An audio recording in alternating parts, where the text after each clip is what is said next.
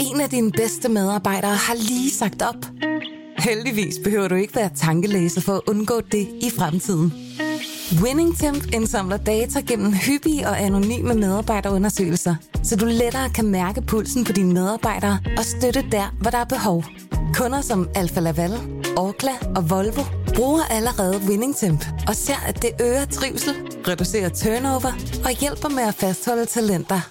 Få gratis gennemgang allerede i dag på winningtemp.com.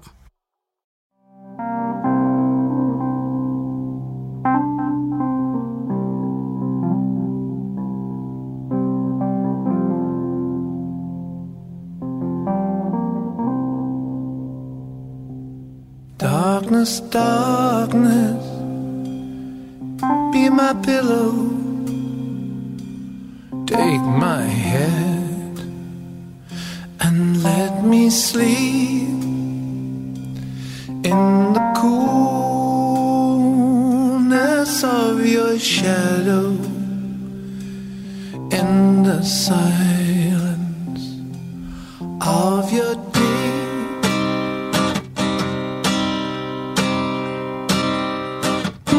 Darkness, darkness, hide my yearning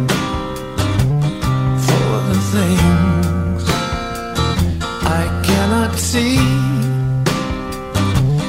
Keep my mind from constant turning to the things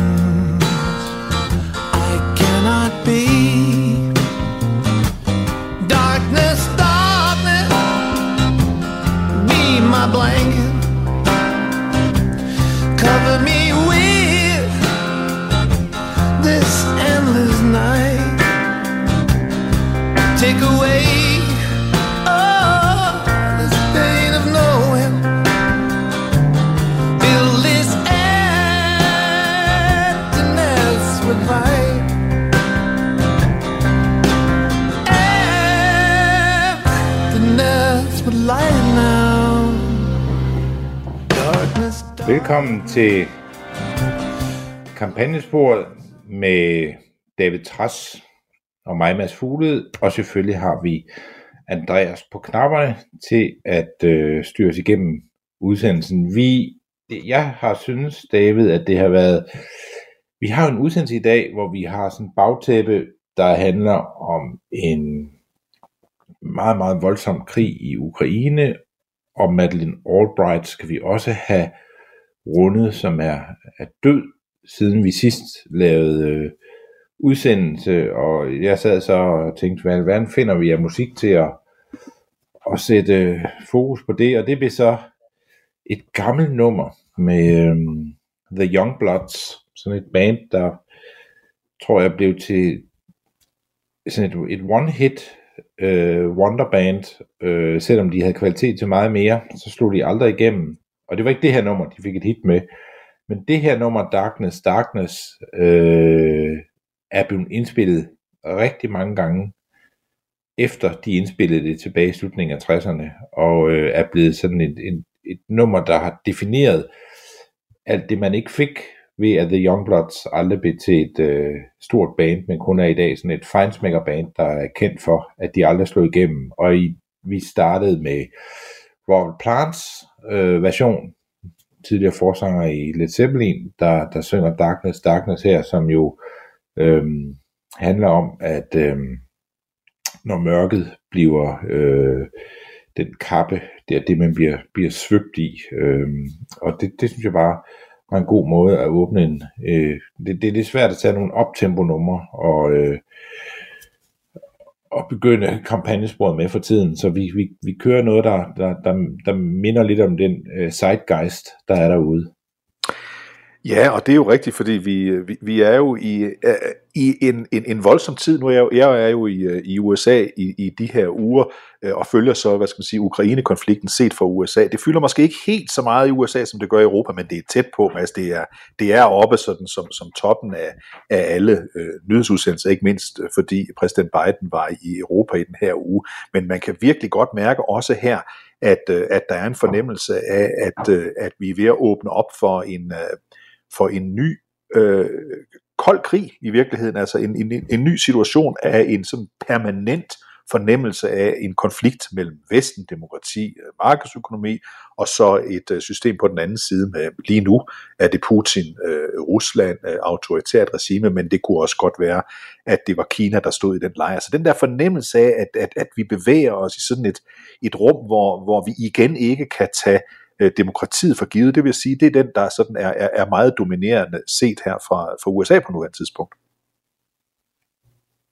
Og man kan sige, alt hvad der sådan, der sker jo mange andre ting i USA, som vi normalt ville bruge mange kræfter på, øh, og, og mit, mit, mit Twitter-feed er meget præget af sådan en, en, den amerikanske samtale, meget mere end det, man diskuterer i Europa faktisk. Øh, og der kan jeg jo se, at, øh, at, at ja, Ukraine fylder meget i USA, men der er også meget andet, mm. der fylder derover. Men for os, der sidder her og kigger på verden, der er det, der er det jo helt utænkeligt at lave en udsendelse uden at, at berøre Ukraine, og, og nu har vi lige haft præsidenten forbi Europa for at tale om, om, om netop det, så det kommer også til at præge vores udsendelse i dag, men vi vil godt gøre opmærksom på, at øh, vi kommer også til at kigge på andre ting, fordi i, øh, i den amerikanske samtale, der er der også meget andet, der er på, der er på spil de her dage.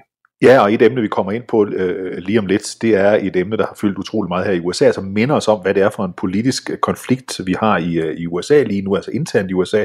Det handler om, øh, om øh, nominering, nominering, hvad hedder det, høringen af den nye højesterets, kom, kommende formentlig nye højesteretsdommer øh, Jackson, fordi der kunne vi høre, det vender vi tilbage til, at der kommer vi virkelig ind på den der identitetspolitik, som fylder så utrolig meget i USA, for det har været omdrejningspunkter på mange måder i, i, i høringen af øh, formentlig kommende højesteretsdommer Jackson. Men det vender vi tilbage til, og vi starter i stedet for med med situationen i Ukraine og, og vestens forhold til det. Og vi vil godt lige starte med at spille et, et, et, et klip, Mads, som, øh, som er med øh, øh, Anne Applebaum, øh, som jo er polsk amerikaner, øh, og som øh, er, er, er meget fremtrædende i, i de her øh, uger, øh, både i Europa, men også i Amerika. Her er hun i en samtale med Hillary Clinton. Vi hører faktisk ikke Hillary Clinton, det er jo Hillary Clintons lod, i, i, fordi hun ikke blev til, til præsident, så vi, jeg siger bare, at hun var i en i samtale med Hillary Clinton, og her siger Anne Applebaum noget om, hvad det er for en alvorlig situation, øh, øh, demokratiet øh, står i lige nu. I think it's also very important that this war kills a kind of myth that we had in the West, which was the myth of inevitability, that somehow liberal democracy is inevitable, that it will always be with us, that it will always win the battles, and that there's nothing in particular that we need to do in order to support it or keep it going. This was particularly damaging in the United States, where it seemed like, you know, we could just let the professional politicians go and do their jobs um, none of us had to really participate in anything because our democracy was just fine. I think this, this, and as I say, and January the 6th are a moment when people see that that's not true, that there may have to be more public participation, that you might have to involve yourself in politics in ways that you didn't expect, just like the Ukrainians are right now. Ja, det som Anne Applebaum jo gør opmærksom på her, det er, at, at efter at vi længe troede, at demokrati det var en, en given ting, så viser Ukraine situationen, og så tilføjer hun lige 6. januar, altså stormløb på kongressen, de to ting viser til sammen, siger hun, at, at, at vi alle sammen har brug for at, øh, at, at, at, at deltage i diskussionen om, hvordan demokratiet øh, kan overleve, fordi det er ikke længere noget, vi kan tage givet. Og, og, og grund til at bringe hendes klip her, det er, jeg kan mærke sådan på de amerikanske tv-stationer, jeg følger, når jeg, når jeg sidder på hotelværelserne her, at det er et, et, et, et emne ved siden af de konkrete krigshandlinger, så er det meget det der med, hov, er demokratiet, markedsøkonomien, menneskerettighederne, øh, er de virkelig truet? Man kan sige, en af, der er jo mange forskellige måder at forstå konflikten i Ukraine på, og Anne Applebaum er fra, skal vi sige, den skole, der ser det i sådan en, øh, en, større, en større ideologisk strid, øh, det, der, det der er på spil øh, i, øh, i Ukraine, og, og hvis man har fulgt hende lidt, hun er jo en meget, meget vigtig stemme, og øh, jeg vil sige, at hun skrev, jeg kan simpelthen ikke huske hvornår, men det er måske små 10 år siden, øh, hvis jeg husker rigtigt, der skrev hun øh, den her bog, der hed The Iron Curtain, tror jeg den hedder, ja, ja. Øh, som er en, øh, et fantastisk værk om øh, hvad der skete i øh, Centraleuropa, i den del af Centraleuropa, der endte på, øh, på, på sovjetiske hænder fra, altså fra afslutningen af 2. verdenskrig, altså fra 45, og så frem til, øh, til, øh, til man har øh, opstanden i, øh, i Tjekkoslovakiet. Altså det er den periode, hun, Opstanden hun i dækker 68. O- Opstanden i 68. der. Uh, nej, 56, tror jeg det er, Ungarn.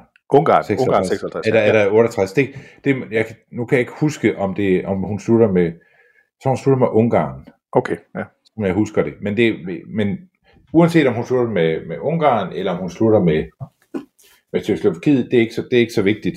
Det, hun, hun beskriver hele den her periode om den, om den politiske kultur, fordi der sad jo mange mennesker i uh, Centraleuropa og regnede med, at de ville få en eller anden form for frihed tilbage, som måske skulle afstemmes med Kreml, men at de ville i bund og grund få deres egne nationalstater tilbage, og de ville få en, en, en pluralistisk politisk kultur. Og de oplever så, at det får de ikke. De bliver, altså de bliver knust øh, under det der, det, der kommer øh, ind over. Øh, og- som, og, og, og hele den der ideologiske kamp, den, den, der er hun altså en af dem, der har skrevet bedst om det. Jeg kan ikke huske, om hun, om hun vandt en pris for The Iron Curtain, men jeg kan huske, at, øh, at, at mange af anmeldelserne af den dengang øh, gjorde opmærksom på, at det burde hun vinde. Øh, så må de kun have fået en eller anden pris for den, og jeg kan varmt anbefale den, hvis man gerne vil, vil forstå, hvad det er for en ideologisk strid, som, som også er en del af det, der foregår i Ukraine lige nu. Og så er Anne Applebaum jo ja, berømt for mange ting. Øh, hun har også skrevet en bog om, om, om, om sult, sulten i, øh, i Ukraine i forbindelse med, med, med Stalins øh, periode som generalsekretær i, øh, i, i Sovjetunionen. Og så skrev hun jo også berømt øh, Øh, måneder før de fleste øh, i, i, i, i, i, i, i 2015, der skrev hun altså, at, at det år, vi så frem til 2016, meget vel kunne blive den perfekte storm imod demokratiet, sagde hun så, fordi det kunne ende med, at britterne stemte nej tak til at blive i den øh, europæiske union. Det kunne ende med, at amerikanerne valgte øh, Donald Trump, og endelig kunne det ende med, at Marine Le Pen blev præsident i Frankrig. Hun fik ikke ret i det sidste, men de to første ting forudså hun noget tidligere, vil jeg sige, end de fleste. Det gjorde hun i en berømt øh, øh, kommentar i, i, i Washington Post. Så hun er en, der lyttes til, øh, også i USA, men, men, men, men emnet om, hvorvidt demokratiet er, er, i, øh, er, er, er truet, er jo et reelt emne øh, i forbindelse med, med krigen i Ukraine. Det giver sig selv, fordi, øh, fordi Putin så åbenlyst øh, står for et, et, et andet synspunkt. Men i den her uge, Mads, der tog øh, præsident øh, Biden jo til øh, Bruxelles og dernæst til, til, til, til Polen, øh, både til grænsen mod Ukraine, men også til, øh, til, til Warszawa, hvor han holdt en tale, den kan vi vende tilbage til om et øjeblik. Men hovedbudskabet, synes jeg jo, når vi ser på det her, og igen, hvis jeg ser det fra, fra USA's side, hvor jeg sidder lige nu, er helt tydeligt, at, øh, at, øh, at, at præsident Biden er den frie verdens leder på nuværende tidspunkt. Det er det budskab, som, som, som jeg synes står meget stærkt øh, i USA, selvom det giver sig selv, at nogle højorienterede medier synes, han er en, en, en idiot og siger forskellige, forskellige ting, undskyld, forkerte ting, så er billedet alligevel, at, at, at, at øh, han har på ret fantastisk vis sørget for, at, øh, at, at, altså at Europa og USA og de vestlige orienterede lande i, i, udenfor også står fuldstændig samlet. Det, det får han faktisk meget ros for på nuværende tidspunkt. Og med god ret. Øh, bare, altså, Biden, verden har brug for en eller anden samlende figur, som er modvægt til Putin. Og selvfølgelig har vi Zelensky. Men Zelensky er jo en part i konflikten på en fasong, hvor man tænker, at, øh, at det er også grænser for, hvor meget Zelensky kan gøre, og han i forvejen jo virker som en, der kæmper med, øh, med ryggen mod muren, med alt, hvad han har, for at holde fast i det, han har. Og man har brug for en, der, der, der er noget andet end den stemme. Og, øh, og tyskerne kan ikke finde ud af at indtage den rolle. Boris Johnson har prøvet lidt, men man synes, at også have svært ved det. Stoltenberg, ja måske, øh, men vi har Biden, og Biden har jo i den grad taget opgaven på sig, og, øh, og nok også i langt større omfang, end man kunne have forventet, at Donald Trump ville have gjort, hvis han havde været præsident i, sted, i stedet for Biden. Så Biden har jo, øh, altså, han er den rette mand på det, ret, på det rette sted, øh, også selvom man i USA gør alt, hvad man kan for at øh, afspore øh, debatten, og, og, og i USA bliver han jo hele tiden, be, be, amerikanerne bruger enhver lejlighed til at sige, at de sidste 15 måneder med Biden har været de værste i amerikansk historie nogensinde, og det er jo ikke lige det indtryk, man sidder med, når man, øh, når man ser den sammentømrede øh, vestlige verden, der øh, forsøger at, øh, at finde fælles fodslag i, øh, i øh, den, den seneste fase af den, af den kolde krig. Og på ganske kort tid øh, i øh, Bruxelles nåede han at, at, at sidde for bordet, havde nær sagt, øh, det gør en amerikansk præsident jo næsten lige meget, hvor han sidder, selv omkring et rundt bord. Øh, så, så, så, så var der G7-møde, der var NATO-topmøde, der var EU-topmøde, som han også deltog i. Altså, der var et, et, et, et, et, en meget tydelig samling af, at øh, det transatlantiske samarbejde er så stærkt, som man næsten kan forestille sig det øh, på nuværende tidspunkt. Så var han også i Warszawa, øh, som vi var inde på lige før, øh, centralt land, fordi Polen er det land, der tager øh, flest øh, flygtninge øh, øh, i, øh, i altså ukrainske flygtninge på nuværende tidspunkt, og som også står nal fast øh, i kampen mod øh, mod Rusland, ikke mindst af historiske årsager. Der holder han en tale, øh, præsident Biden, som jo ikke er berømt for sine store, fine oratoriske taler. Man holdt en tale øh, øh, i, i centrum af øh, Warszawa foran et udvalgt øh, publikum. Lad os bare lige prøve at høre en, en, en, et halvt minuts øh, penge af, af, af talen her fra, fra Joe Biden. We must commit now to be in this fight for the long haul. We must remain unified today and tomorrow and the day after, and for the years and decades to come. It will not be easy. There will be cost, but it's a price we have to pay because the darkness that drives autocracy is ultimately no match for the flame of liberty that lights the souls of free people everywhere. Time and again, history shows that is from the darkest moments that the greatest progress follows. And history shows this is the task of our time, the task of this generation. Let's remember the hammer blow that brought down the Berlin Wall, the might that lifted the Iron Curtain, were not the words of a single leader. It was the people of Europe who for decades fought to free themselves. Their sheer bravery opened the border between Austria and Hungary for the pan European picnic.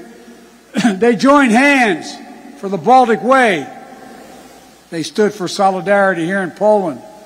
And together, it was an unmistakable and undeniable force of the people that the Soviet Union could not withstand. And we're seeing it once again today Ja, han trækker de helt store øh, linjer op, Biden, i den her, øh, i den her øh, synes jeg, fine tale. Han, han taler om demokratiet mod autokratiet. Han taler om, hvordan demokratiet altid i længden vinder. Og, og den her kamp, vi står i nu, kan godt blive lang, og så minder han om, hvordan det var Øh, nu taler han jo i Warszawa, han minder om, hvordan det var øh, solidaritet, altså Lech Valentas bevægelse, der startede helt tilbage i starten af 1980'erne, og, og andre folkelige bevægelser øh, i altså bag det gamle jerntæppe, som endte med samlet set, altså folket, at stå op imod øh, regimerne i øst, og til sidst øh, vinde der i 1989-91. Øh, og så forudser han, at, at, altså, at det vil ske igen, men han forudser også, eller forbereder europæerne på, og verden i det hele taget, at den her konflikt øh, vil ikke være over om nogle uger, om nogle måneder, måske vil den ikke engang være over om nogle år, den bliver langtrukken, men vi er nødt til at kæmpe for det hele tiden. Øh, i virkeligheden synes jeg øh, en, en, en, en meget fin øh, tale, han har sagt for en gang skyld, af Joe Biden. Ja, jeg var ret imponeret af, af Bidens tale, og synes, den var øhm, eftertænksom. Jeg ved, der har været en del debat om noget af det sidste, han siger i talen, og så er der også en del debat, kan jeg forstå, i Ukraine om det element, at Biden ikke sådan øh, går ind og lover dem noget nyt. Øh, det har man måske øh, forventet der. Men i bund og grund er der jo mange balancer, som sådan en præsident skal, skal ramme her, og han skal sende et signal om, at der er styr på tingene, og, øh, og sætte det ind i en, en, en større sammenhæng. Og jeg synes, det var fint, at han, øh, at han citerede den øh, Per, per Paul den anden, der øh, under den kolde krig havde en afgørende rolle i, at øh, kommunismen skrev på det her Centraleuropa, vi talte tidligere om i forbindelse med Anne Applebaum, øh, slap sit greb i det, at han, at han sådan øh, satte det ind i den kontekst. Øh, det, det gjorde han fint, til trods for, at der selvfølgelig altid er nogen, der skal, skal, skal kritisere øh, Biden, hver gang han siger noget, uanset hvad han siger. Ja, noget af det, der blev kritiseret meget, det var en, en, en, en, en, en, en kort sætning mod slutningen af, af talen, hvor han siger, øh, Putin kan ikke forblive ved magten. Denne mand kan ikke forblive ved magten. Nogen siger, det var sådan en typisk øh, øh, Biden gaff, altså en fortalelse fra Biden, altså noget han kommer til at sige, som egentlig ikke var meningen, der skulle, der skulle være sagt, mens andre siger, at det var sådan set øh, øh, meget præcist øh, sagt, øh, og det var en klar besked. Øh, vi ved, at efter talen, der skyndte øh, Anthony Blinken, øh, altså udenrigsministeren, så ud at sige, at, at USA ikke ønsker Øh, altså ikke, undskyld, ikke kæmper for et regimeskifte, altså et, øh, at Putin skal væk i, øh, i, i, i Moskva, men, men der var ikke nogen sådan egentlig i rettesættelse af, hvad præsidenten havde sagt. Så, så jeg synes egentlig sagtens, man kan forestille sig, uh, Mads, jeg ved, lad mig høre, hvad du mener om det, at det faktisk var bevidst. Det er ikke noget, der, der ophidser mig, han siger det, fordi det er vel en tanke, som de fleste øh, europæere og amerikanere har, det er, at det ville være dejligt, hvis, øh, hvis, øh, hvis russerne på en eller anden måde kunne få fjernet Putin fra magten. Altså det var tydeligvis ikke noget, der stod i Bidens tale. Det er noget, Biden finder på at sige, øh, sådan for egen regning til sidst. Og det sender altid øh, nok lidt chokbølger igennem sådan et system. Især fordi Biden nogle gange siger ting, som, øh, som giver ham vanskeligheder. Her synes jeg, at han siger det, alle tænker, nemlig at det her bliver aldrig rigtig godt, før man ikke længere har Putin ved magten i Rusland. At det er egentlig der, vi har det egentlige øh, problem. Og om man siger det på en sådan façon, som man forstår det som, at USA arbejder for aktivt at fjerne Putin, eller man siger det som, øh, åh oh gud, hvor ville det være rart, hvis vi ikke havde Putin ved magten. Øh, det er egentlig i min verden øh, lidt ligegyldigt. Øh, jeg, det er det signal, jeg håber at få fra amerikanerne øh, og fra en, en amerikansk øh, præsident. Men jeg kan godt forstå, at når det ikke er aftalt, og jeg kan også godt forstå, at det kan være gift i en, øh, i en amerikansk politisk kontekst. Amerikanerne er ikke begejstret for konflikter, der handler om at lave regimeskifte længere, fordi de synes, de har været igennem en del af dem, hvor det ikke er gået helt, som man har regnet med. Så på den façon, hvis, den, hvis, hvis det er den tolkning, man kommer med, så, så er det nok nødvendigt at korrigere meldingen. Men hvis man ser det mere som sådan et, en, en præsident, der bare siger det ærligt, vi alle sammen tænker, nemlig at det her bliver nok ikke godt, før Putin øh, er væk, så, øh, så er jeg fuldstændig på linje med det. Jeg er egentlig også på linje med det andet, men, men i højere grad det sidste. Her i den øh, forløbende uge, hvis man skulle have glemt, at, øh, at USA står i en polariseret virkelighed hjemme i USA, øh, så skulle man bare have fulgt høringen i senatet om, hvorvidt USA skal have en ny højesteretsdommer, nemlig dommer Jackson, en sort kvinde, som er udpeget af præsident Biden. Hun skal nok blive valgt, tror jeg, fordi der sidder jo 50 demokrater i Øh, senatet, de har indtil videre alle sammen sagt, at de bakker op om hende, og så står der jo lige, fordi der er ikke nogen republikaner, der har sagt, at de vil bakke op om hende, men så er afgørelsen jo, at, at Kamala Harris, som, som, som, som kan træde ind som, som vicepræsident, og så, og så lægge den afgørende stemme, så hun skal nok blive valgt, øh, men akkurat lige øh, med det yderste af neglen, og den slags er jo lige meget, når først man er valgt, fordi så sidder man jo lige så lang tid, man selv har lyst til det, men jeg fulgte øh, ret mange timer af de her høringer, fordi jeg kørte øh, lange øh, bilture, så sad og hørte det i, øh, i, øh, i radioen, og man kan jo roligt sige, man kan roligt sige, at det vi ser der, øh, den forestilling, øh, det er en, en, hvad skal man sige, et forskræbt til den øh, valgkamp, vi skal have i november måned, eller i oktober november måned, efteråret i USA, op til midtvejsvalget i november, fordi det handlede ikke så meget om hendes juridiske egenskaber, men meget mere om, at de to sider kunne sådan profilere deres, øh, deres politiske synspunkter. Lad os lige prøve at, at starte med et klip, hvor vi har, øh, hvor vi har Lindsey Graham, altså, altså senatoren fra, øh, fra, fra South Carolina, som, øh, skal vi lige huske, bakket op om dommer Jackson, da hun for et lille år siden blev udpeget øh, til en, en, den post, hun har nu i systemet, men som nu er meget øh, kritisk over for hende. Hun ta- han talte utrolig meget om hendes, hvad skal vi sige, kristne øh, baggrund. Lad os prøve at, at høre øh, den her udveksling mellem, mellem, mellem, mellem Graham og, øh, og, øh, og dommer Jackson. What faith are you, by the way? Senator, I am um, Protestant, Okay. Um, non denominational. okay. Could you fairly judge a Catholic? Senator, I have a record of I think the answer would be yes. judging everyone. I believe you can. I'm just asking this question because how important is your faith to you?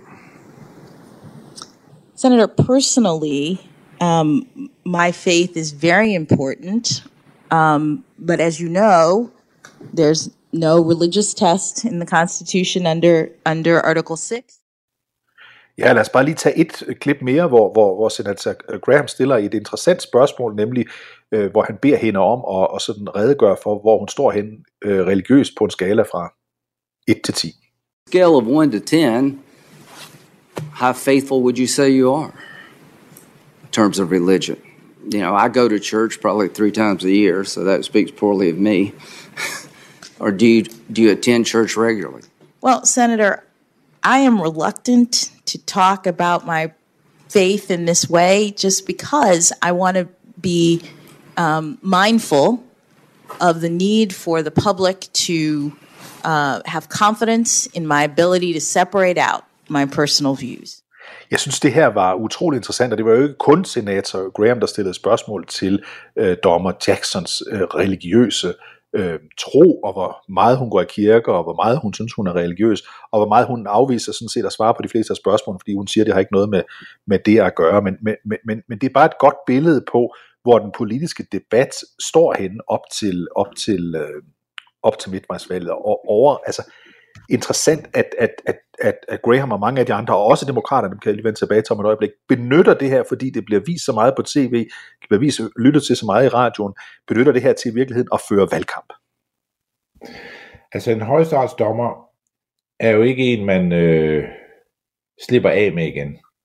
Og når man først får dem udpeget, så sidder de der for livstid, og det er sådan set øh, et, øh, altså det er jo det er et meget langt forløb, man, man har dommer i. Og man kan godt regne ud, at øh, demokrater vælger en type dommer, og republikaner vælger en anden type. Og derfor er der meget fokus på de her øh, udnævnelser. Og, og, og der er ingen tvivl om, at, øh, at Jackson er en type dommer, som republikanerne ikke bryder sig om. Og det forsøger de at øh, afsløre med sådan nogle indirekte spørgsmål. Især da de ligesom går op for dem, at hun er for, hun er for begavet til at gå i de, sådan, de traditionelle fælder. De, for, de forsøger nu at tegne et billede af hende, at hun vil være øh, øh, eftergivende. Man har også øh, haft fremme af den måde, hun har dømt på i øh, en sag med omkring øh, øh, børneporno, at det, der, der synes man, at, at, at øh, der prøver man at tegne et, et, et billede af hende, som at, at hun på en eller anden måde går ind for det. Man havde en, øh, en, en udveksling, hvor man øh, fik hende til at sige, da hun skulle sige noget om, hvilket køn en kvinde var, så siger øh, øh, hun, at, øh, at, at hun er ikke biolog, så det synes hun ikke, at hun er rigtig til at, at, at spørge om. Og det er jo fordi, at det man forsøger at gøre med øh, Jacksons høring, det er at få vise den amerikanske offentlighed, at i hele den her woke, wokeisme, øh, critical race theory, hele den her identitetspolitiske debat, der er i USA, der er demokraterne ved at vælge en som dommer, der øh, er på den side, øh, og altså ikke på den woke-kritiske side, som republikanerne øh, er på. Øh, og det, og det, det, det er derfor, man har alle de her øh, identitetsspørgsmål, øh, som egentlig ikke har en pind at gøre med, øh, om, om hun vil være en god dommer eller ej, men for republikanerne giver det god mening, fordi man skal have hende til at sige ting, som er øh, i strid med det, man normalt siger, øh, hvis, man, øh, hvis man er en konservativ dommer.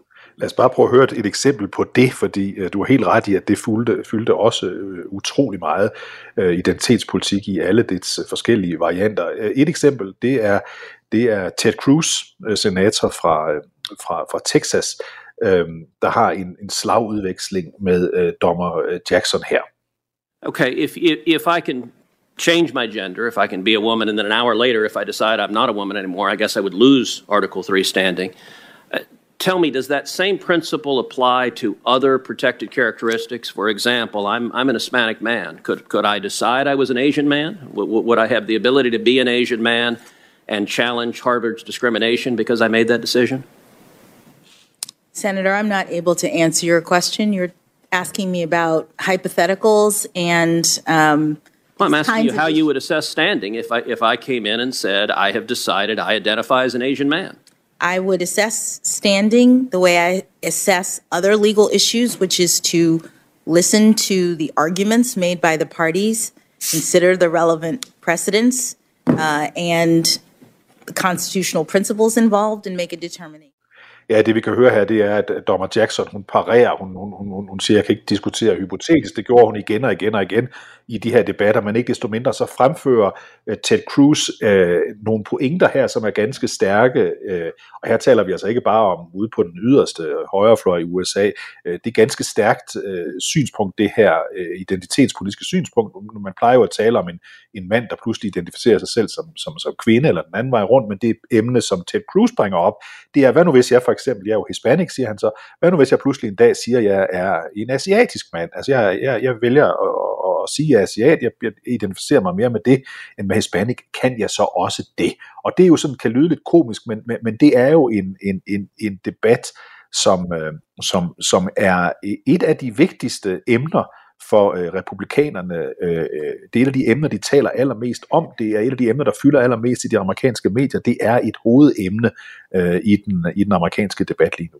Og ikke ja. mindst, og man har jo også den her svømmer, Lia Thomas, øh, som, som i den grad skiller valgene øh, i USA, og det gør det i, også herover, men i USA er det 10 gange øh, Øh, større det her spørgsmål, og man er så langt, at man nu har øh, delstater, der er på vej med lovgivning omkring, øh, hvem der må stille op øh, som henholdsvis øh, i henholdsvis øh, ja, mest i kvindeidrætsgren selvfølgelig, men, men i princippet øh, også i, i, i sportsgrene, hvor, hvor, hvor mænd stiller op. Og, og det, øh, de her spørgsmål er noget, amerikanerne går meget op i, fordi det er gået op for mange amerikanere, at øh, der er ved at ske nogle forandringer, som, øh, som jo også vil sætte sig i, hvem er det, vi har i højesteret. Og alt det her ønsker republikanerne, at øh, de har ligesom indset,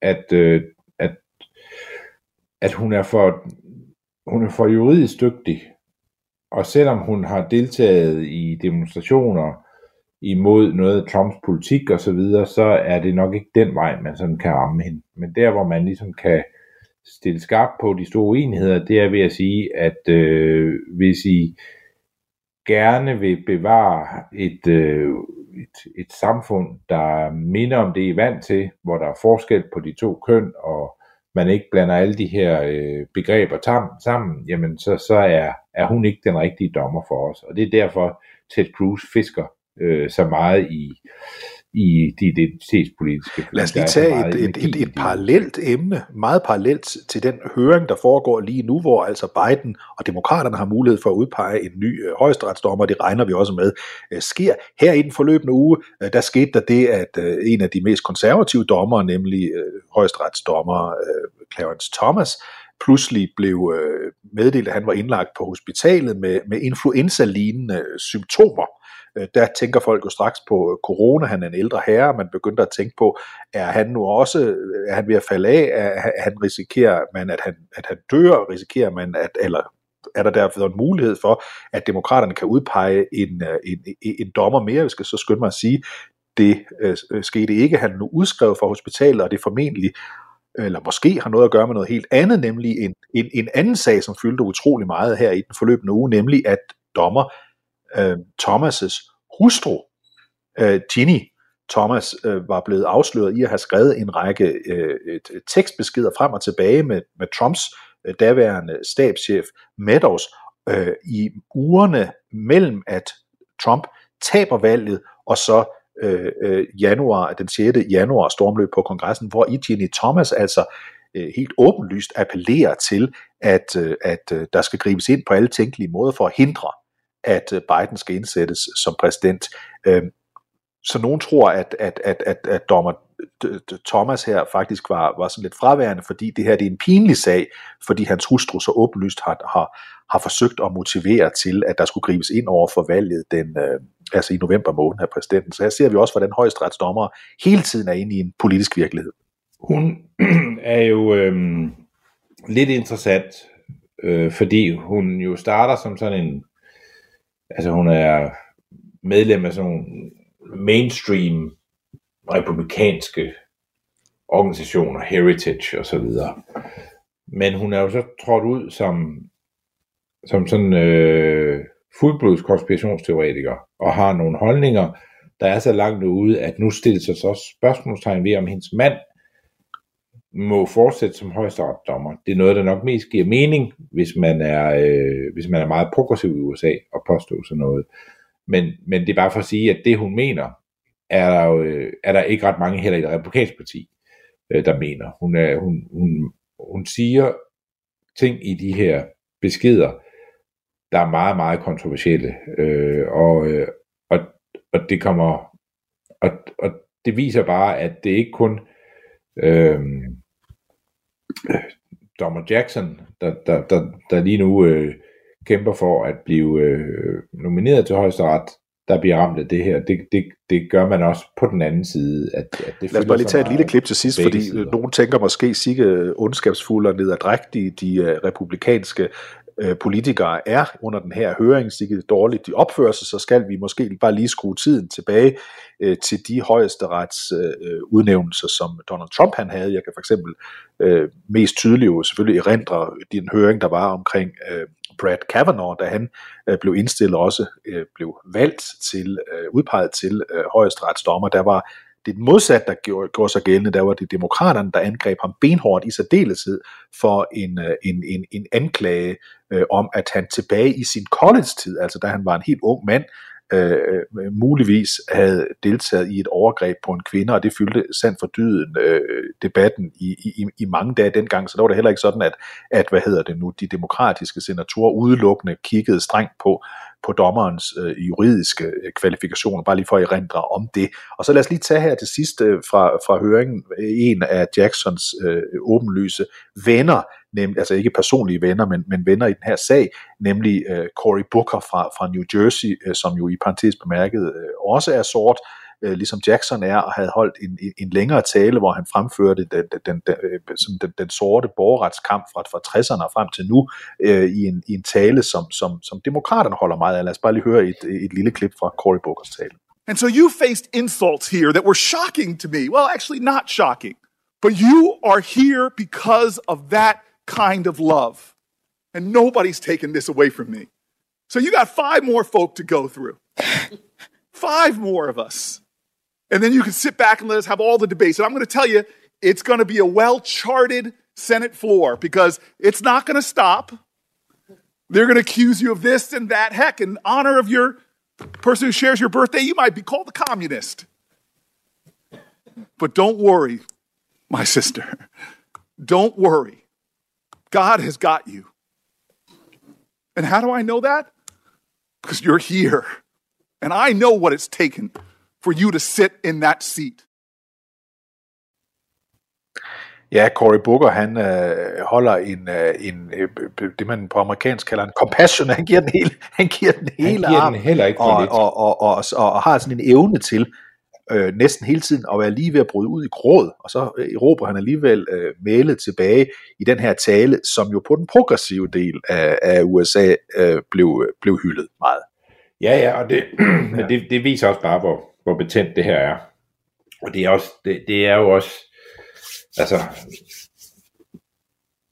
det er, det er, en, det er noget, der bryder det amerikanske samfund og selvfølgelig kommer den debat også til os, men vi udpeger jo ikke dommer efter de her, de her øh, parametre. Vi har jo ikke øh, folketingshøringer, hvor vi sidder og, og beslutter os for, om nogen skal sidde som højesteretsdommer i, i Danmark, og vores dommer har heller ikke så stor indflydelse på vores love, som man har i den amerikanske højesteret. Øh, men det er i hvert fald, altså det er jo, det er i hvert fald tydeligt, at, at når, når Booker her øh, altså nærmest mener, at det er, er, Gud, der er ansvarlig for, at hun er nået så langt, fordi han ved, at man som sort skal kæmpe så utrolig hårdt for at kunne komme dertil, hvor hun er kommet. Og det kan der være noget om. Øh, men men så, så pakker man heller ikke tingene ind længere. Så, øh, så har man også med sig fuldblods ind på, på, på den modsatte side af måden at se de her ting på. Og som sagt, som jeg sagde før, så er der grund til at tro, at dommer Jackson øh, vil blive udpeget som, som højesteretsdommer. Øh, den sidste sådan øh, tvivlende person omkring det, det var den, den evige Joe Manchin fra West Virginia, der ofte ender med at stemme sammen med republikanerne i senatet, selvom han er demokrat, men han var altså ude at meddele fredag, tror jeg det var, at, øh, at, øh, at han støtter øh, udpegelsen af hendes. Det vil sige, der er ikke nogen grund til at tro, at hun ikke bliver udpeget. Der skal ske noget, noget højeste overraskende. Så må det ikke hun Men jeg, udpeget. jeg synes, at Mansions udmelding understreger, at, øh, at der er ingen tvivl om, at Jackson er meget mere venstreorienteret end så mange andre. Øh, og der er ingen tvivl om, at hun på den måde, hun svarer på de her identitetspolitiske spørgsmål, står et andet sted, end øh, den generiske republikanske vælger gør. Men der er heller ingen tvivl om, at når man kan få en mand som Joe Manchin til at sige, jeg stemmer også for hende, så er det fordi, at til trods for, hvad hun måtte mene om de her ting, så er hendes, øh, hendes faglige grundlag, det er præcis der, hvor det skal være, når man skal udpege en højstårdsdommer. Mads, øh, ingen udsendelse har nær sagt i kampagnesporet, uden at vi lige følger med, det er i hvert fald hyppigt, vi gør det, i hvad øh, det dygtige øh, kongresmedlem fra Georgia, Marjorie Taylor Greene, må, måtte have sagt af spektakulære ting øh, i den øh, forløbende uge. Og her, øh, i den forløbende uge, der talte hun ved et, øh, et Trump Save America øh, rally i øh, netop øh, øh, Georgia. Der gik hun også til den, også på den øh, identitetspolitiske dagsorden. Lad os lige høre et, et kort klip med hende, så folk kan erindre sig om, at øh, det her også er amerikansk politik. You know what? Pete Buttigieg can take his electric vehicles and his bicycles, and he and his husband can stay out of our girls' bathrooms. Yep. ja, der får den hele arm. Vi skal huske på, at Pete Buttigieg er homoseksuel, han er gift, han har fået øh, adopteret et barn sammen med sin mand, øh, han går ind for elbiler, han taler meget om cykling, øh, så der er mange ting, hvis man er identitetspolitisk på den anden side, man kan hisse sig op over ved Pete Buttigieg, og det gør hun her, og så giver hun den lige tro på, da hun siger, at øh, Buttigieg og, hendes, og hans øh, mand, de kan bare blive ude af vores pigers badeværelser. Hun går til den også. Jamen, det er jo en sætning, når man tænker over det. Er jo, øh, altså det er jo sådan, øh, det er jo, det er jo poesi på sådan en façon, man ikke er vant til. Hvis man tænker over, hvad hun siger, hun siger, Pete Buttigieg, han kan tage sine elektriske biler og sine cykler, og så kan han sammen med sin mand bare holde sig ude af pigernes badeværelse, og det, eller toilet. Og det er jo, det er jo en, øh, det er jo en sæt, hvem havde regnet med, at den nogensinde skulle blive sagt, den sætning?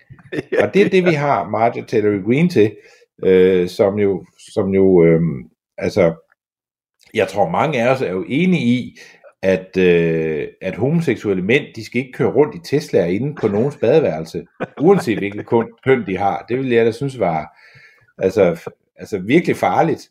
Øh, og, og i strid med alt, hvad jeg, så synes jeg, at, at, øh, at rettigheder øh, til, til homoseksuelle er gået alt for langt, hvis, hvis vi skal ud i, at de ligger og kører rundt derinde i Teslaer. Altså det, det synes jeg ikke er en god idé. Og hvis det er det, hun, hvis det, er det, hun prøver at sige, så øh, er jeg jo sådan set med hende, øh, fordi det er selvfølgelig for meget. Det må du også mene, David. Ja, der er jo også, Ja. jeg synes også, det var derfor, jeg faldt for det her klip, og, og, og, og som øh, jeg også sagde før, at, øh, at øh, der er meget, der siges af, af, af den gode øh, kongreskvinde Green, som ikke siges af så mange andre, men tænkes af mange andre. Men hun forsøger jo nok at sige noget sådan under the radar her, og det er jo, Ja. det er jo selvfølgelig det, der er... Det er Under det, the hun er- radar, men, men dog, dog ikke så meget under radaren. at vi- Nej, hun er, ikke, hun er ikke i stand til at sige ting under the radar, uden man meget tydeligt kan se på radaren, hvad hun laver. Den, så specifikt er hun, er hun øh, ingenlunde.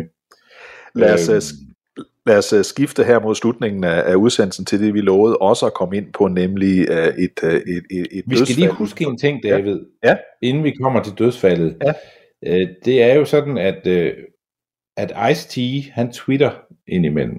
Nå ja, rapperen ja. Ice-T. Og øh, han havde, han havde et, et tweet her den anden dag, som, som blev talt meget om i USA, fordi det er rigtig morsomt. Og øh, han siger i sit tweet, Ice-T, jeg blev bestjålet på en tankstation i New Jersey i går. Og efter mine øh, hænder var holdt op med at ryste, så ringede jeg til politiet, og de øh, kom hurtigt, og de gjorde deres bedste for at øh, få mig til at slappe af igen.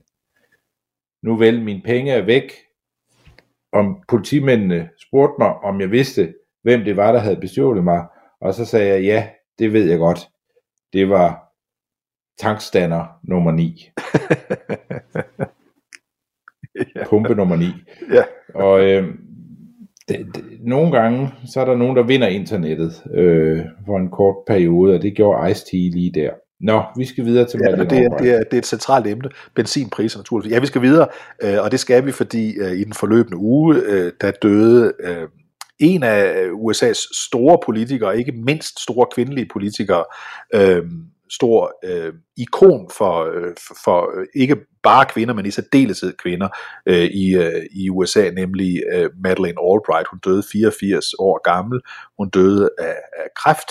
Øhm, og, øh, og, og Madeleine Albright øh, blev, øh, blev, blev hyldet øh, på, på, af næsten øh, alle her i den øh, forløbende uge. Og bare meget kort fortalt, Madeleine Albrights historie er jo, at hun to gange må flygte fra sit, øh, fra sit fødeland, nemlig Tjekkoslovakiet, med sin far først, øh, først øh, i, i 30'erne siden øh, efter øh, 2. verdenskrig. Hun kommer først til England, senere til, til, til USA. Øh, hun er et, øh, en, en, meget, meget øh, dygtig akademiker.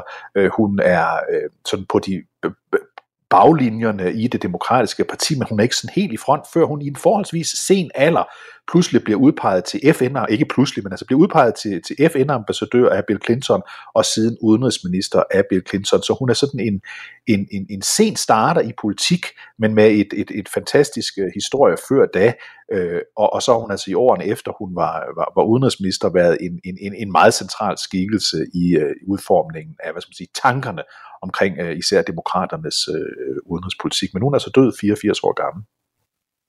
Ja, og hun er jo... Øhm, hun var en meget, meget øh, interessant figur. Ikke så meget, synes jeg, på grund af, af, af, af sit køn, men fordi hun, hun repræsenterede en... Øhm, altså, de, de fleste, der kommer langt i amerikansk politik, er som regel født i USA.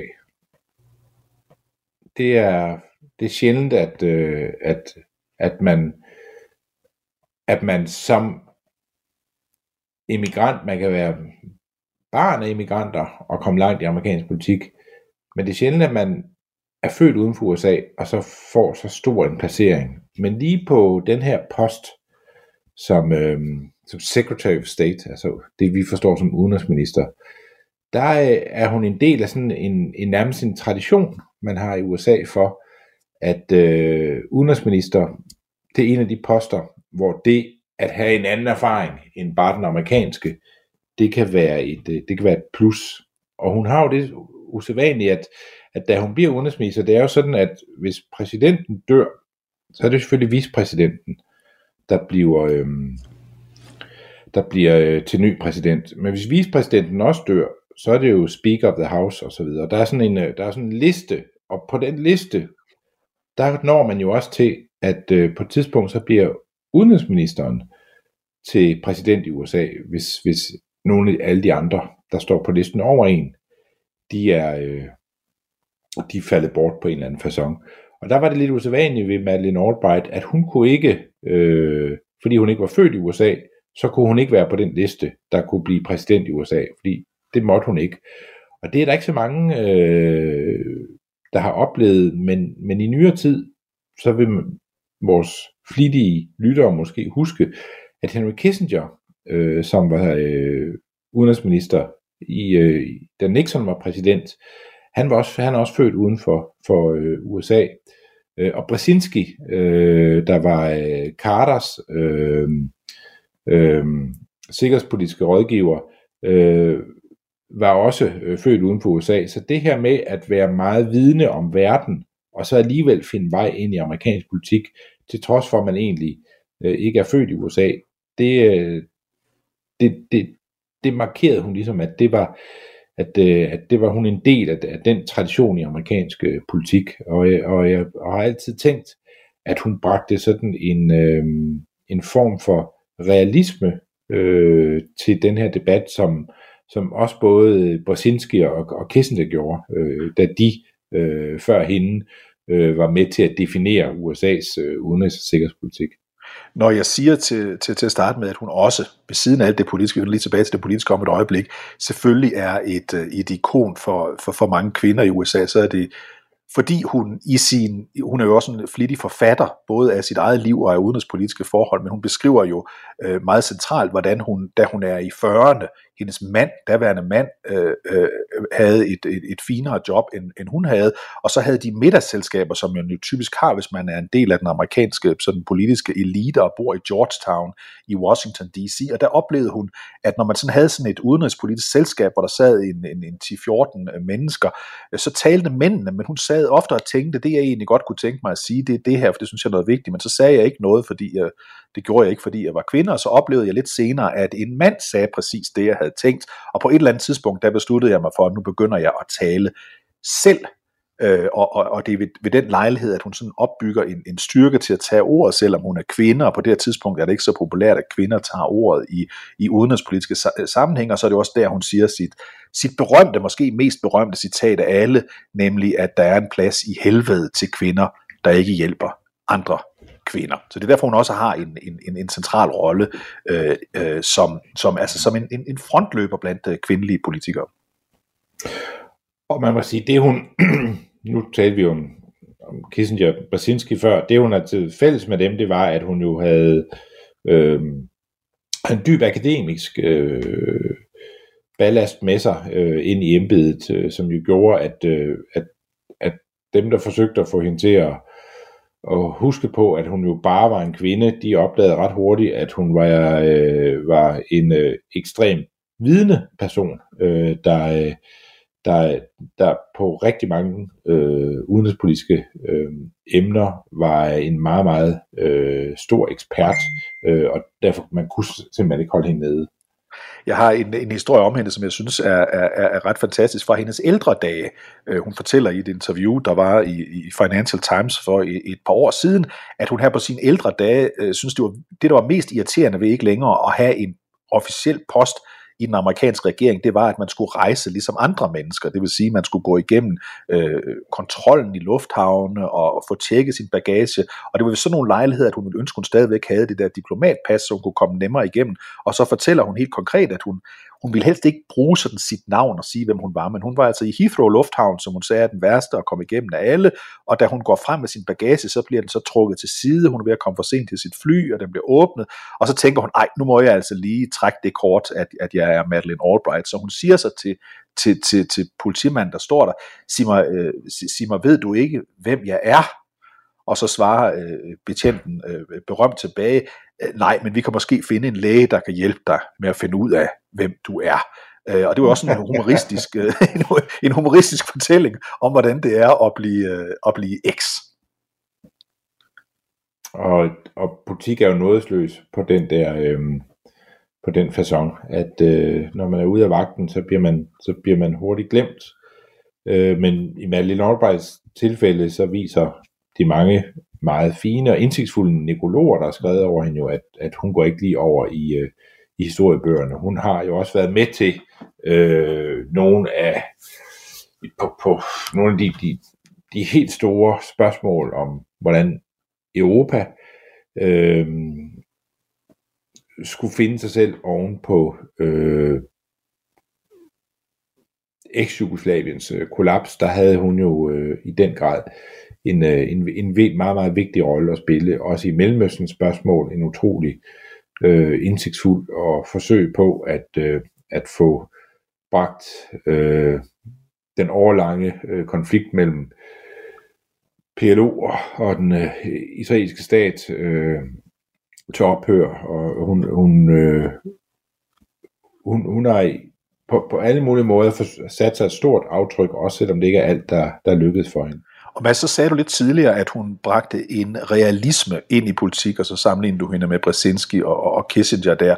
Øh, og, og det er jo også, no, nogen vil kalde det for en kynisme, øh, det som du kalder realisme, men hun var i hvert fald en, der gik utrolig meget op i, at øh, USA spillede en rolle i verden øh, som demokratiets øh, fremmeste forkæmper, og USA havde et militær, der var second to none i, i resten af verden, og man skulle bruge det. Man skulle i hvert fald true med at bruge det. Det nyttede ikke noget, at man bare havde det. Man skulle, man skulle være parat til at, at sætte muskler bag sine ord, hvis det var nødvendigt. Og det var for eksempel det, der skete øh, øh i, i Balkankrigene, hvor USA længe øh, var tøvende i forhold til at gribe ind, hvor europæerne ønskede, at, at USA skulle gribe ind. Da det hende, øh, der mere end nogen anden for, for, for, for bragt øh, USA øh, ind i den krise, der spillede hun en vigtig rolle. Men vi har også den der realisme, skråstreg, kynisme, alt afhængig af, øh, hvem man spørger, øh, det spiller også en, en rolle i et meget centralt klip, som vi lige vil spille nu, øh, nemlig fra maj 1996. Vi skal huske, at Madeleine Albright starter altså som FN-ambassadør for Bill Clinton, så bliver hun udenrigsminister i Bill Clintons øh, anden periode. Og her er hun i et øh, interview hos CBS News, der handler om øh, den sanktionspolitik, der på daværende tidspunkt var mod Iraks øh, Saddam Hussein. Øh, lad os prøve at høre udvekslingen her mellem CBS' journalist og Madeleine Albright. We have heard that a half a million children have died. I mean, that's more children than died when, when in, in Hiroshima. And, and, you know, is the price worth it? I think this is a very hard choice, but the price, we think the price is worth it. Ja, det er jo et, øh, et, et, et hårdt citat. Er det prisen værd, at en halv million irakiske børn er døde som følge af sanktionspolitikken, og dertil svarer hun ja. Vi skal lige huske bare for god ordens skyld, at det viste sig senere, at det, den halve million øh, var et noget overdrevet tal, men det troede man, men det troede man øh, åbenbart på det her tidspunkt i 96 var et rigtigt tal, og derfor virker hendes svar jo utrolig hårdt. Ja, og det, bliver altid, det er altid blevet taget ud af en, af en sammenhæng, men det, det følger meget, især hvis man øh, blander sig lidt i, øh, i debatter, der handler om, om, øh, om Mellemøsten, vil man opleve, at det meget tit bliver brugt som argument. Man havde jo et program, som blev etableret i 1995, der hed øh, Olie for madprogrammet, øh, som skulle øh, sørge for, at Saddam Hussein ikke kunne få penge til at, øh, at opruste igen, men han kunne få mad og medicin. Og den mad og medicin viste sig så tit øh, blev underlagt en masse korruption og andet, og der gik alligevel penge til styret. Og Saddam Hussein tog ikke den mad og medicin, han fik, og gav den til sin egen befolkningssvageste. Og derfor var intentionerne med mad for olieprogrammet, eller olie for madprogrammet, de, øh, de stod ikke helt øh, mål med de forhåbninger, man havde på grund af Saddam Husseins måde at agere på. Og, og hvad, man skal huske, hvad er amerikanernes alternativ? Alternativ det er at give øh, Saddam Hussein, fordi han tager sit eget folk som kisler, adgang til at handle olie igen i verden. Øh, og, og det er jo i den kontekst, hun siger, vi synes, det er det værd at have de her sanktioner. Og så har øh, Madeleine Albright også i de forløbende år øh, mange gange sagt, at hun øh, fortryder, at hun svarede på den lidt hårde, eller den meget hårde måde, hun gjorde i det her interview. Det var dumt, sagde hun. Det var direkte stupidt, har hun sagt om det her konkrete citat, hun kom med på det her tidspunkt. Men hun står ved den politik, der blev ført. Hun står også ved, at, at når man handler ude i verden som, som verdens største stormagt, så er det, man gør, ikke altid kønt og ikke 24 timer i døgnet, og ikke 365 dage om året, fordi man er i en benhård kamp mod øh, meget øh, voldsomme regimer rundt omkring i verden. Og ja, der vil man nogle gange begå nogle ting, øh, der er hårdere, også fordi det er svært. Og så beskriver hun jo i en af sine bøger, det synes jeg er helt fantastisk, Øh, hvordan det egentlig foregår, når USA's præsident skal træffe en vigtig sikkerhedspolitisk beslutning. Og det, det, det er så godt beskrevet, fordi hun beskriver, hvad der egentlig foregår til et møde i øh, regeringens øh, øh sikkerhedsudvalg. Og så fortæller hun, det foregår på den måde, at, at der er forskellige rådgivere derinde, der er CIA, der kan være FBI, der kan være øh, militæret, der kan være alle mulige forskellige derinde, udenrigsministeren, forsvarsministeren osv., der sidder inde i det her rum og så sidder præsidenten for enden af bordet, og så kommer der nogle, nogle indspark fra de forskellige, men de er aldrig sådan helt fuldstændig clear cut. Det er altid noget med, at vi har fået at vide af en kilde, som ved en tidligere lejlighed øh, øh, viste sig at have ret, men vi må lige tilføje, at nogle andre lejligheder har vist sig ikke at have helt ret, at det måske er sådan og sådan og sådan, og så er alle rådene til præsidenten, og så til sidst kigger man hen på præsidenten, og så siger man til præsidenten, hvad skal vi gøre? Og så skal præsidenten træffe et valg på baggrund altid, eller næsten altid, af er, er en, en, en situation, der naturligvis ikke er fuldstændig klart. Øh, der skal træffes et valg på baggrund af mangelfulde øh, oplysninger, men der skal træffes et valg, siger hun. Man kan i hvert fald sige, når man er realist og tilhører den skole, det kan man være på forskellige fasonger, men tilhører den skole, som Madeleine Albright kommer fra. Hun, hun er jo hun er jo ikke bare øh, at sammenligne med Brzezinski, hun er jo elev øh, Brzezinski undervisning simpelthen. Så, så hun er jo fra den der måde at tænke på, hvor man, hvor man godt forstår, at man skal, at international politik, der er der ikke ret meget plads til øh, idealister. Fordi der er ikke noget ideal, man kan opnå. Man kan opnå noget, der er lidt bedre end noget, der er forfærdeligt hver gang. Eller øh, der er tit, det, det, det, det, det, er ikke, det er ikke sådan, Altså, vi har talt om det mange gange. Nogle gange skal man støtte nogen, der er nogle skurke. Nogle gange skal man øh, lave sanktioner mod nogen, som er parat til at lade de sanktioner ramme deres egen civilbefolkning, for at de kan bruge det til at understøtte deres egen magt. Der er alt muligt, øh, man, man kommer til at skulle gøre, når man skal handle på det her område. Og det nemmeste er altid at stå på sidelinjen og sige, at vi synes, at der skal være, ponyer og, og, øh, og, og rent drikkevand til alle, øh, velvidende, at det kommer nok ikke lige til at ske øh, inden for en, en, på den korte bane i hvert fald, øh, at, at, at der, der er hun jo ligesom repræsentant for den her skole, der siger, vi må handle, og vi må prøve at gøre det så godt vi kan, øh, og hele tiden gå skridt, også selvom det nogle gange er små, i den rigtige retning. Og det er jo det, der som er realismeskolen sådan øh, kendetegn, i hvert fald i den udgave, som, som, som Albright og hendes øh, lærermester Brzezinski stod for.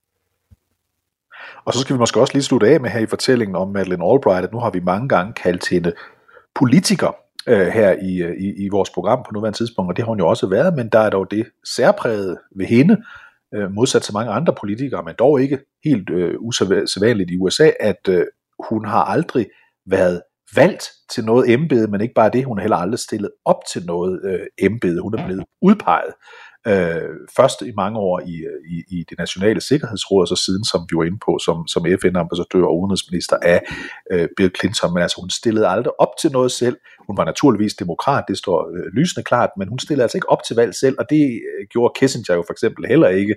Øh, det er ikke en usædvanlig, øh, øh usædvanlig øh, ting på, på udenrigsministerområdet. Der er dog nogle udenrigsminister, der der, har, der, der, der er blevet taget fra en, en, en politisk position. Men det er faktisk ikke usædvanligt, Mads, vel, at vi har folk i det her, i det her øh, vigtige udenrigs-, sikkerhedspolitiske, forsvarspolitiske område, øh, som vi kalder politikere, men som faktisk øh, aldrig har stillet op til noget, og derfor heller aldrig har haft et politisk øh, øh, som sige, valgt embede. Lige præcis. Mads, vi skal til at slutte af, og det ved jeg, du har et, øh, et, et øh, musiknummer, som vi også slutter af på i dag. Jamen altså, Malin Albright blev 84, inden hun, øh, inden hun døde, og det betyder jo, at, at hun er født i, i 1937, og det er jo ikke pænt at tale om en, en kvindes alder, men jeg synes, man skulle ligesom på en eller anden måde finde et stykke øh, musik fra Madeleine Albright var, var ung, og øh, da hun var i 20'erne, der, øh, der blev nok et af de vigtigste albums i musikhistorien skrevet. i den nation, hun har taget til sig.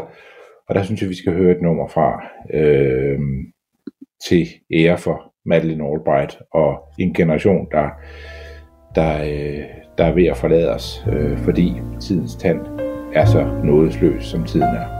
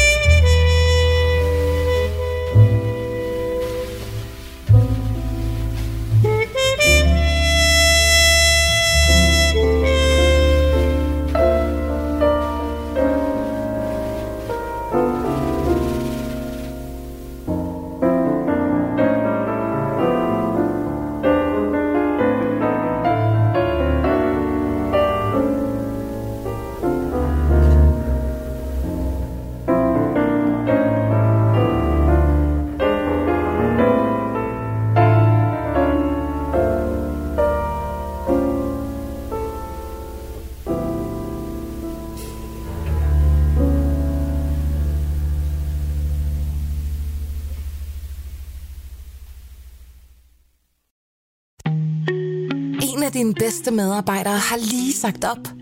Heldigvis behøver du ikke være tankelæser for at undgå det i fremtiden.